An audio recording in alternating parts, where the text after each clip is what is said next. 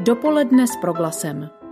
Zajímaví hosté, podnětné rozhovory, duchovní útěcha, ale i čas pro oddechnutí a úsměv. Příjemné páteční dopoledne s proglasem přeje z brněnského studia Filip Braindl. V následující půl hodině nás čeká návštěva nově dokončeného kostela v Brně Lesné. Pozveme také na výstavu Nebe bylo plné hvězd, která v Želivském klášteře připomene komunistickou persekuci řeholních řádů. Nejprve se vydáme na Andělský kemp. Takový název má tábor pro děti, jejichž rodič si odpikává trest ve vězení. Zanedlouho začne v údolí říčky Brziny na Příbramsku Česku. Po čtvrtého pořádá Mezinárodní vězeňské společenství, které uvádí, že se snaží vytvořit dětem takové podmínky, aby si pobyt užili, cítili se příjemně a nebáli se pak hovořit o svých problémech. Společný čas na táboře stráví 65 dětí a 30 dobrovolníků. Do vysílání proglasu přijala pozvání Žaneta Dvořáčková, která v rámci Mezinárodního vězeňského společenství vede projekty pro rodiny a děti. Věřím, že jsme teď po telefonu ve spojení spojení. Přeji vám hezké páteční dopoledne. Dobrý den. Dobrý den. Zeptám se na úvod, proč právě ten název Andělský kemp, proč to slovo andělský? Oni anděle jako první zvěstovali pastýřům narození spasitele, největšího daru pro nás lidi. A proto my jsme vlastně, nebo ten projekt, ty projekty se jmenují andělské, protože krom té praktické pomoci, kterou lidem dáváme, tak jim se snažíme zvěstovat i ten největší dar, který lidstvo dostalo. Tím se zároveň dostáváme k tomu, že vaše společenství má výrazně křesťanský podtext. Můžete k tomu říci něco více? Ano, vlastně všichni naši a, pracovníci i dobrovolníci jsou křesťané, jsme tedy mezidenominační a to znamená, že a, nehraje roli z které církve, ale nicméně naše hodnoty stojí na Bibli a na křesťanských hodnotách. Pojďme teď k samotnému táboru. Odráží se nějakým způsobem v programu právě ta skutečnost, že děti jsou z rodin, kde si někdo odpikává trest ve vězení, nebo je to programově tábor jako každý jiný? Mm-hmm. V něčem je to tábor jako každý jiný a v něčem je to trošku specifické, protože právě děti vězňů často prožívají nejistotu, spousty změn, ztrátu blízké osoby. Hodně z nich prožívá i chudobu a posměch a nepochopení. A z toho vyplývají i různé jejich potíže, jako třeba psychické nebo fyzické potíže, anebo i problémy v chování. A my se právě na tom táboře snažíme reagovat tady na ty věci a Eh, víme, že to, co děti potřebují nejvíce, nebo to, co jim nejvíce schází, je nějaké pozbuzení, eh, potěšení, pozbuzení jejich hodnoty, jejich identity a o to se právě na tom táboře snažíme. Znamená to, že na táboře je i nějaké odborné zázemí, tedy nejen vedoucí z řad nějakých dobrovolníků, ale i skutečně odborníci, eh, kteří se mohou dětem věnovat po stránce řešení těch problémů? Ano, i když to není úplně primárně jako účelem toho tábora, ale mezi našimi dobrovolníky máme psychologa, sociálního pracovníka, speciálního pedagoga, letos budeme mít i právníka a každý rok s námi jezdí lékař. Jak vlastně vybíráte nebo jste v kontaktu s těmi dětmi nebo s těmi rodinami, které pak posílají tyto děti na tábor, případně eh, nakolik s těmi rodinami pracujete i jinak během roku? Uh-huh. My vlastně většinu těch dětí, které s námi jedou na kemp, známe už trošičku z našeho jiného projektu a to je Andělský strom, vánoční dárky dětem vězněných rodičů a v minulém roce jsme takto poslali dárky více než tisícům, tisíci dvěstě dětem a právě z nich jsou děti, které jedou na ten andělský kemp. Takže ty rodiny už trošičku známe, už o nich víme a poté jim nabízíme znovu, nebo kromě toho vánočního dárku jim nabízíme i možnost jet na ten kemp. Potom ještě vlastně uh, spolupracujeme s ospodem a dále ještě kaplani věznic nám pomáhají ve výběru hodných rodin a dětí na andělský kemp. Předpokládám i z toho, co jste říkala, z toho, jak ta rodina se cítí určitým způsobem třeba i nějak zostuzena, nebo jak to nazvat, že je asi důležité vyvíjet v tomhle aktivitu ty rodiny, vyhledávat, nečekat, že se někdo bude moc aktivně hlásit, ale spíše sami tu možnost těm rodinám nabízet. Rozumím tomu správně. Přesně tak, přesně tak, ano. Ty rodiny nejsou příliš zvyklé na to, že by jim někdo pomáhal a druhá věc je ta, že mnohé z těch rodin opravdu se za tu situaci stydí a příliš to nikde nezveřejňují. Stejně tak i ty děti, tak um, je pravda, že to, co na andělském kempu velmi oceňují, jak rodiče, tak i ty děti, je to, že jsou tam všichni um, tak nějak na stejné lodi. To znamená, že všichni mají rodiče ve vězení a můžou se cítit prostě přijímané takové, jaké jsou. A to je věc, kterou opravdu hodně oceňují. Zeptám se ještě na dobrovolníky, kteří se budou také tábora účastnit. Mají jich být eh, kolem 30. Eh, kdo jsou tito dobrovolníci? Uhum, jsou to dobrovolníci, jednak kteří s námi už spolupracují třeba i v jiných projektech v Mezinárodním vězenském společenství a další dobrovolníci jsou z řad církví a vlastně všichni ty dobrovolníci prochází školením, určitými pohovory a potřebují mít doporučení své církve. Zeptám se na závěr, eh, jakým způsobem byste pokládala průběh tábora, eh, abyste ho hodnotili jako úspěšný? Co vytváří eh, tábor, který si zpětně zhodnotíte? Ano, proběhlo to dobře, splnilo to svůj záměr. Uhum, a myslím, že ten náš tábor je orientovaný na vztahy, takže pokud eh, se tam děti cítí příjemně, navážou tam nová přátelství, případně se třeba otevřou, svěří s nějakými problémy, my je můžeme pak eh, nějak dále řešit i třeba s rodiči nebo se školou a dalšíma institucema, což se nám třeba i v minulosti stalo. A pokud jsou tam děti spokojené a pokud odjíždí s tím, že by příští rok eh, rádi přijeli zase, tak je to pro nás úspěšný tábor. Na otázky odpovídala Žaneta Dvořáčková z Mezinárodního vězeňského společenství. Děkuji vám za rozhovor a všem zúčastněným přeji vydařený tábor, příznivé počasí a mnoho hezkých zážitků. Naslyšenou. Děkuji, naslyšenou a v dopoledním vysílání je před námi další rozhovor. V premonstrátském klášteře v Želivi na Vysočině v neděli začne výstava s názvem Nebe bylo plné hvězd, která přibližuje život internovaných řeholníků po komunistickém přepadení klášterů během takzvané akce K před 70 lety. Spojili jsme se s autorkou výstavy Stanislavou Vodičkovou z Ústavu pro studium totalitních režimů. Dopoledne s proglasem. Já se vás nejprve zeptám, co vyjadřuje ten název výstavy Nebe bylo plné hvězd. No. Vy jste zveřejnili určitou videopozvánku, kde tato slova mm. zaznívají z úst Františkána Benedikta Holoty. Proč se právě tato slova dostala do názvu výstavy? Já jsem slyšela mnoho svědectví o samotném průběhu akce K. Ty příběhy jsou si v podstatě hodně podobné.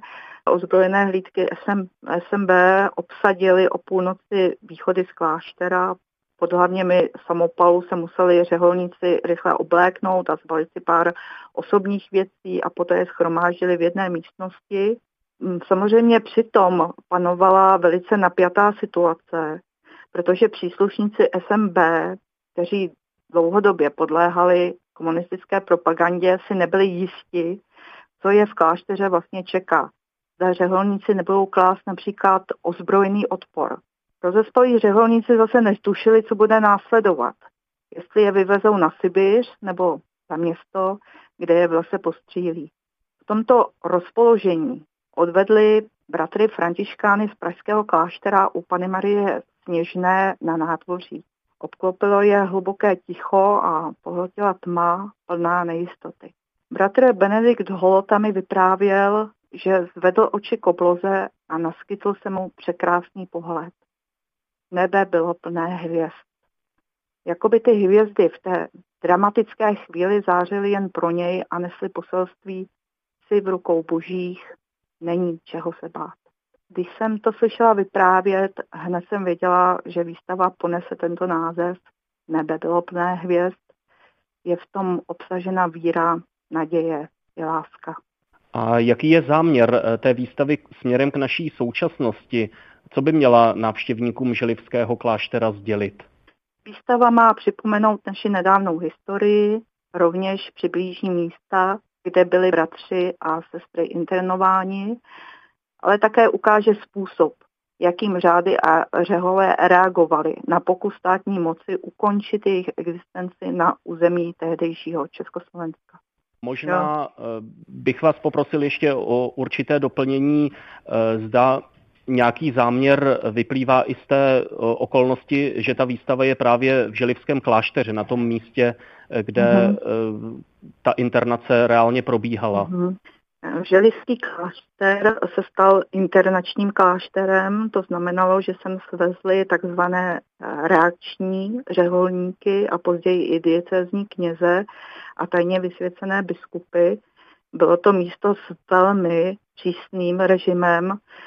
Řeholníci zde například až do roku 1953 pracovali bez nároku na mzdy, neměli často žádnou možnost se zotavit z nějaké choroby. Proběhl zde také zázrak, kterému se říká želivský zázrak, kdy bratr Veselý Dominikán se vyléčil v podstatě ze smrtelné choroby právě na modlitby všech internovaných řeholníků v Želivě, kterých tenkrát bylo asi 300.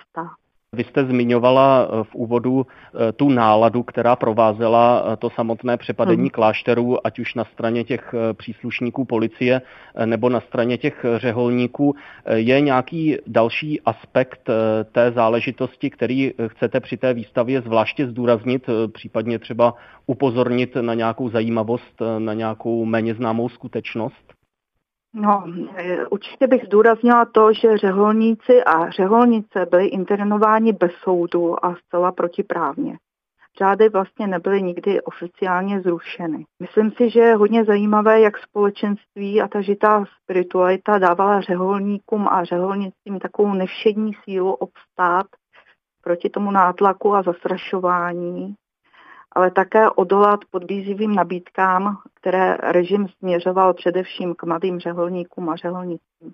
Jejich disciplína v nelehkých podmínkách je opravdu obdivuhodná. Novicové byli odtrženi krátce po centralizaci od starších řeholníků a posláni do zvláštních přeškolovacích klášterů, kde byli vystaveni soustavnému politickému školení a komunistické propagandě. Asi po měsíci a po marných pokusech o jejich dobrovolný odchod z řádu byli posláni pomocným technickým praporům a na stavbu přehrad. A vlastně ani v takových nesnadných podmínkách řeholní formace nezanikly. Dál po úmorné práci tajně studovali a během dovolených byli někteří také tajně vysvěceni na kněze.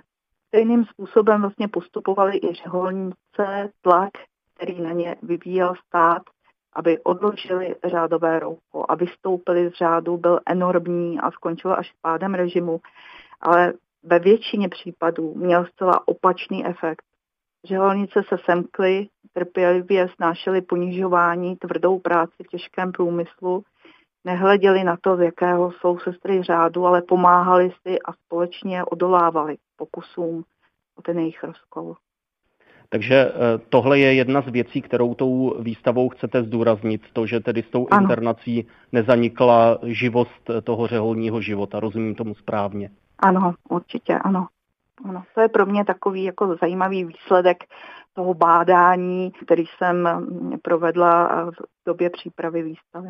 Už jste zmiňovala želivský zázrak, eh, zmiňovala jste tu výpověď otce Benedikta Holoty. Spojujete si eh, vy sama eh, tu akci K s nějakým konkrétním příběhem, který berete jako takový, že vás zvláště zasáhl? Většina vzpomínek na akci K, které se nám dochovaly, vyprávějí tehdy mladí řeholníci. Odpověď na to, jak to snášeli bratři, kteří většinu svého života prožili v klášteře, jsem četla až knize Bůh, osud a já, v níž autor Josef Schneidar zachytil první noc jezuitů po příjezdu do Bohosudava. Vzpomíná na to, jak je nahnali ve velkých skupinách do studovny, kde byly železné postele se špinavými tekami a podhlavníky.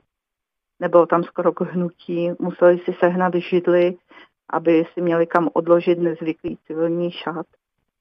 A před spaním se mu naskytl bolestivý pohled na staré bezmocné kněze a řeholní bratry vytržené z jejich dlouholetého řeholního prostředí, kteří neuměli nosit civilní šaty, nevěděli, v čem spát, měli nesnáze z urologických potíží, posedávali po postelích, bezradně se rozhlíželi, jako by hledali pomoc, pokoušeli se modlit a usnout.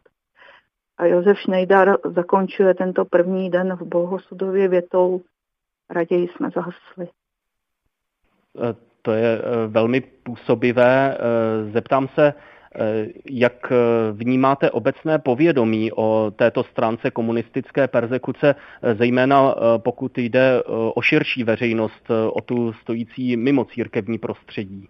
Osobně si myslím, že povědomí o pronásledování katolické církve v komunistickém Československu je i v církevním prostředí mizivé a ve zbytku společnosti je to vlastně neznámé téma. Je to škoda, protože odkaz těchto lidí je velmi inspirativní pro současnost i budoucnost. Zápas o boží věc totiž neskončil pádem komunistického režimu. Zeptám se ještě, zda podle vás zůstávají nějaké, řekněme, méně probádané, méně známé momenty eh, akce K, třeba nějaká eh, stále existující výzva eh, pro současné historiky? No netvrdím, že by se nenašly, ale skvělou práci při zmapování akce K odvedl kolega Vojtěch Vlček, který vydal knihu s názvem Persekuce mužských řádů a kongregací komunistickým režimem. Sleduje dramatický osud bratří v 50. a 60. letech. A kdo by se měl tedy zájem seznámit tímto tématem blíže, doporučuji mu knihu, která je v současné době opět v distribuci. To říká Stanislava Vodičková z Ústavu pro studium totalitních režimů, autorka výstavy Nebe bylo plné hvězd, která o víkendu začne v Želivském klášteře. Paní Vodičková, děkuji za vaše vystoupení v dopolední s proglasem. Přeji vše dobré, ať se vám daří. Naschledanou. Děkuji, děkuji, naschledanou. Dopoledne s proglasem. V závěrečné části se vydáme do kostela blahoslavené Marie Restituty Kavkové na brněnském sídlišti Lesná.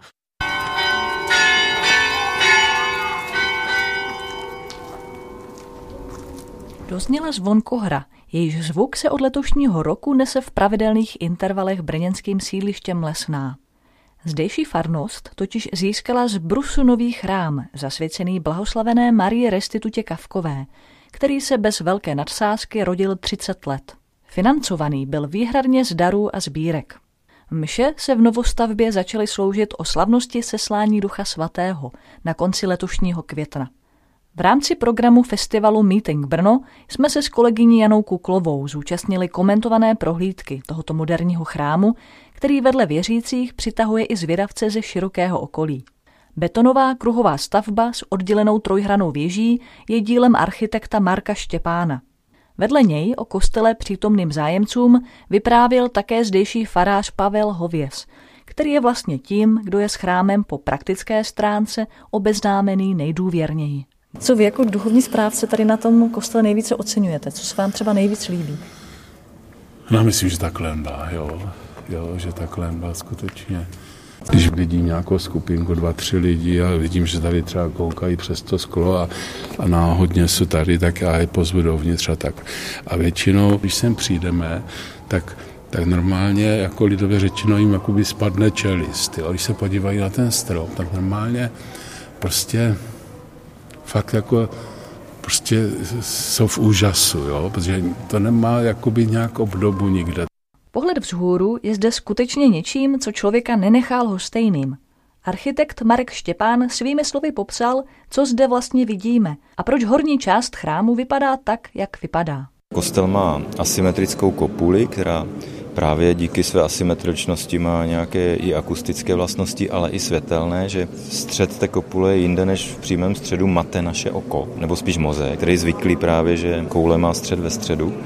A vypadá tím ale jako daleko plastičtěji a vypadá trošku jako taková boží observatoř nebo nějaký vesmírný těleso.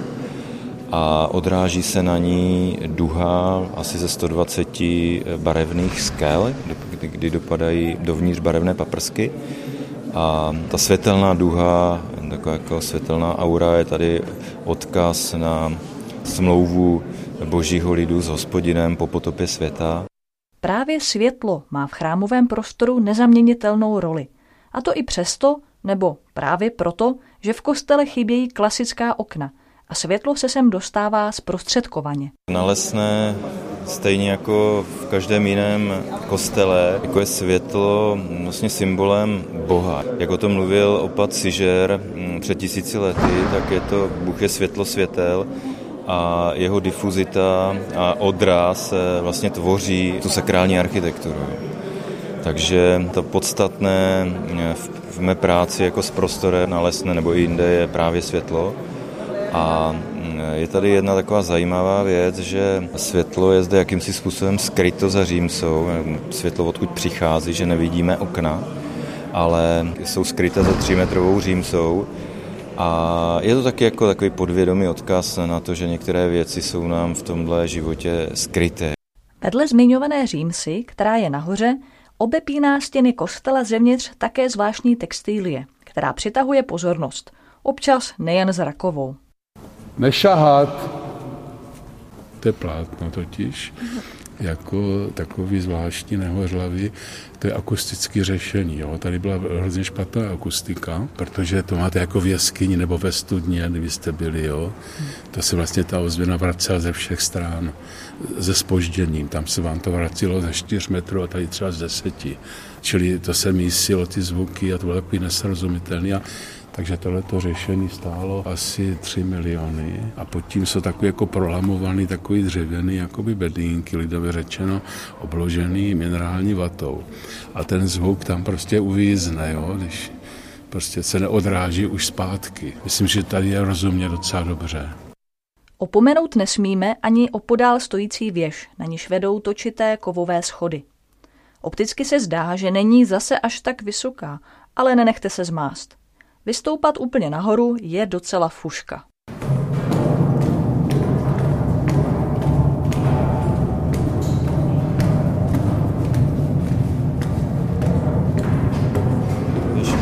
tu svoji polohu hlavně díky okolnímu urbanismu a uspořádání okolí. Ona nějakým způsobem je na místě, kde vyhřezává skála na povrch, třeba kostel je na 9 metrové navážce a tím, jak je trouhelníková, tak jako odráží právě takovou tou kosou stranou pohledy i příchozí jako ke vstupu do kostela. Je to zároveň tak jako špendlík umístěný tady jako na konci čertový rokle v takovém jako těžišti tady, který ukazuje, ano, tady to je, tady je kostel. Ale zároveň nemá tvar té klasické věže, které bývají spíš jako takové rakety, jo? vlastně vertikály úplné, jako dominanty. Tady už dominanta být nemůže, protože všechny paneláky jsou vyšší než ta věž jo? a ne, nemusíme asi jim konkurovat. Ale ona vlastně najednou ta vertikála se ohýbá a ukazuje spíše na kostel, jo? že není to vlastně takový jako ten symbol něčeho, jako demonstrace něčeho vertikálního, ale opravdu je to takový pokus udělat ten tvar věže soudobí. A dneska, když jsem sem šel, tak jsem si říkal, že by vzdáleně mohla připomínat i takovou jako tu gilotinu Marie, Marie Restituty, jo? že má takovou ostrou hranu. Blahoslavená Marie Restituta Kavková, již je kostel zasvěcený, byla rodačkou z Brna, která většinu života strávila ve Vídni. Vstoupila do třetího řádu svatého Františka a pro svou odvahu, kdy za nacistického režimu nesmlouvavě hájila křesťanskou víru, skončila v roce 1943 pod popravčí gilotinou. Za života byla milovnicí mimo jiné i piva a právě pro tento její rys nese fasáda kostela mezi jinými motivy i obrázek napěněného půl litru. A máte třeba nějaký reakce i od lidí, že je to příliš moderní nebo že se to nehodí? Velmi málo, řekl bych tak 95% 5% je velmi pozitivních. Jo? E, zažil jsem i takový jako rozhořčený reakce, že to je prostě hrůza, já nevím co, ale to, to fakt jako je mm, nějaký neodborník, jo, prostě někdo jen tak pocitově nebo tak. A jaké, že jsou podle duchovního správce reakce samotných farníků? Velmi pozitivní, určitě je to tady mnohem lepší než v tom sále, kde byl nízký strop a tam jsme se dusili ostatkem vzduchu jo, a horkem a tak. A tady se to dá chladit, vidíte, že tady je docela chládek, navzdory tomu, že venku je takový horko. Jo, protože to můžeme, ty zemní čerpadla, ty tepelný, tak co se dá ten proces nějak otočit, takže to můžeme chladit, ten kostel, jo, v zimě vyhřívat a v létě chladit.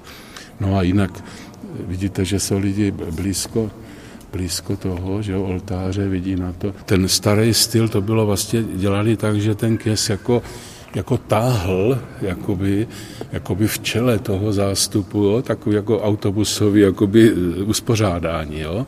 A taky byl zády k lidem a ty lidi jakoby táhl nahoru, jo, jako k, do, dopředu a jako v čele zástupu.